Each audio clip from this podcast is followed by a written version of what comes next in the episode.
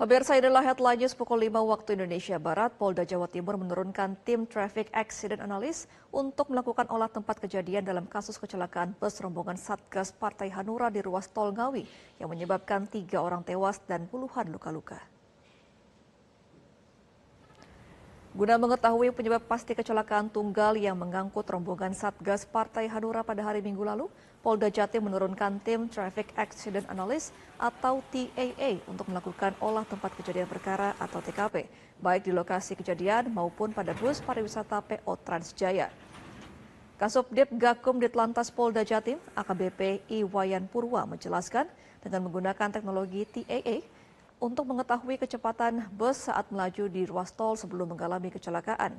Menurutnya, tim Polda hanya sebatas membantu pihak Satlantas Polres Ngawi dalam hal proses penyelidikan. Meski begitu, untuk proses penyelidikan dan penyidikannya ada pada Polres Ngawi. Hasil pantauan di lapangan pasca menabrak pagar pembatas ruas tol, bus yang terguling sempat terseret hingga 100 meter. Pihaknya mengaku juga masih melakukan analisa terkait dugaan pengemudi mengantuk atau human error dalam kejadian tersebut.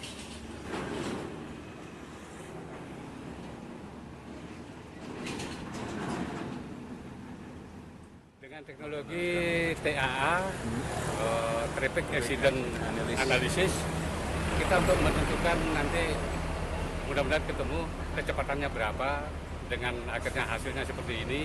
Cuman proses lidik sidiknya ada di Polres. Nah, kita hanya membantu dalam hal pemberkasan nanti kalau memang dibutuhkan, nah itu kita kirim ke Satlantas Polres Ngawi. Jelajahi cara baru mendapatkan informasi. Download Metro TV Extend sekarang.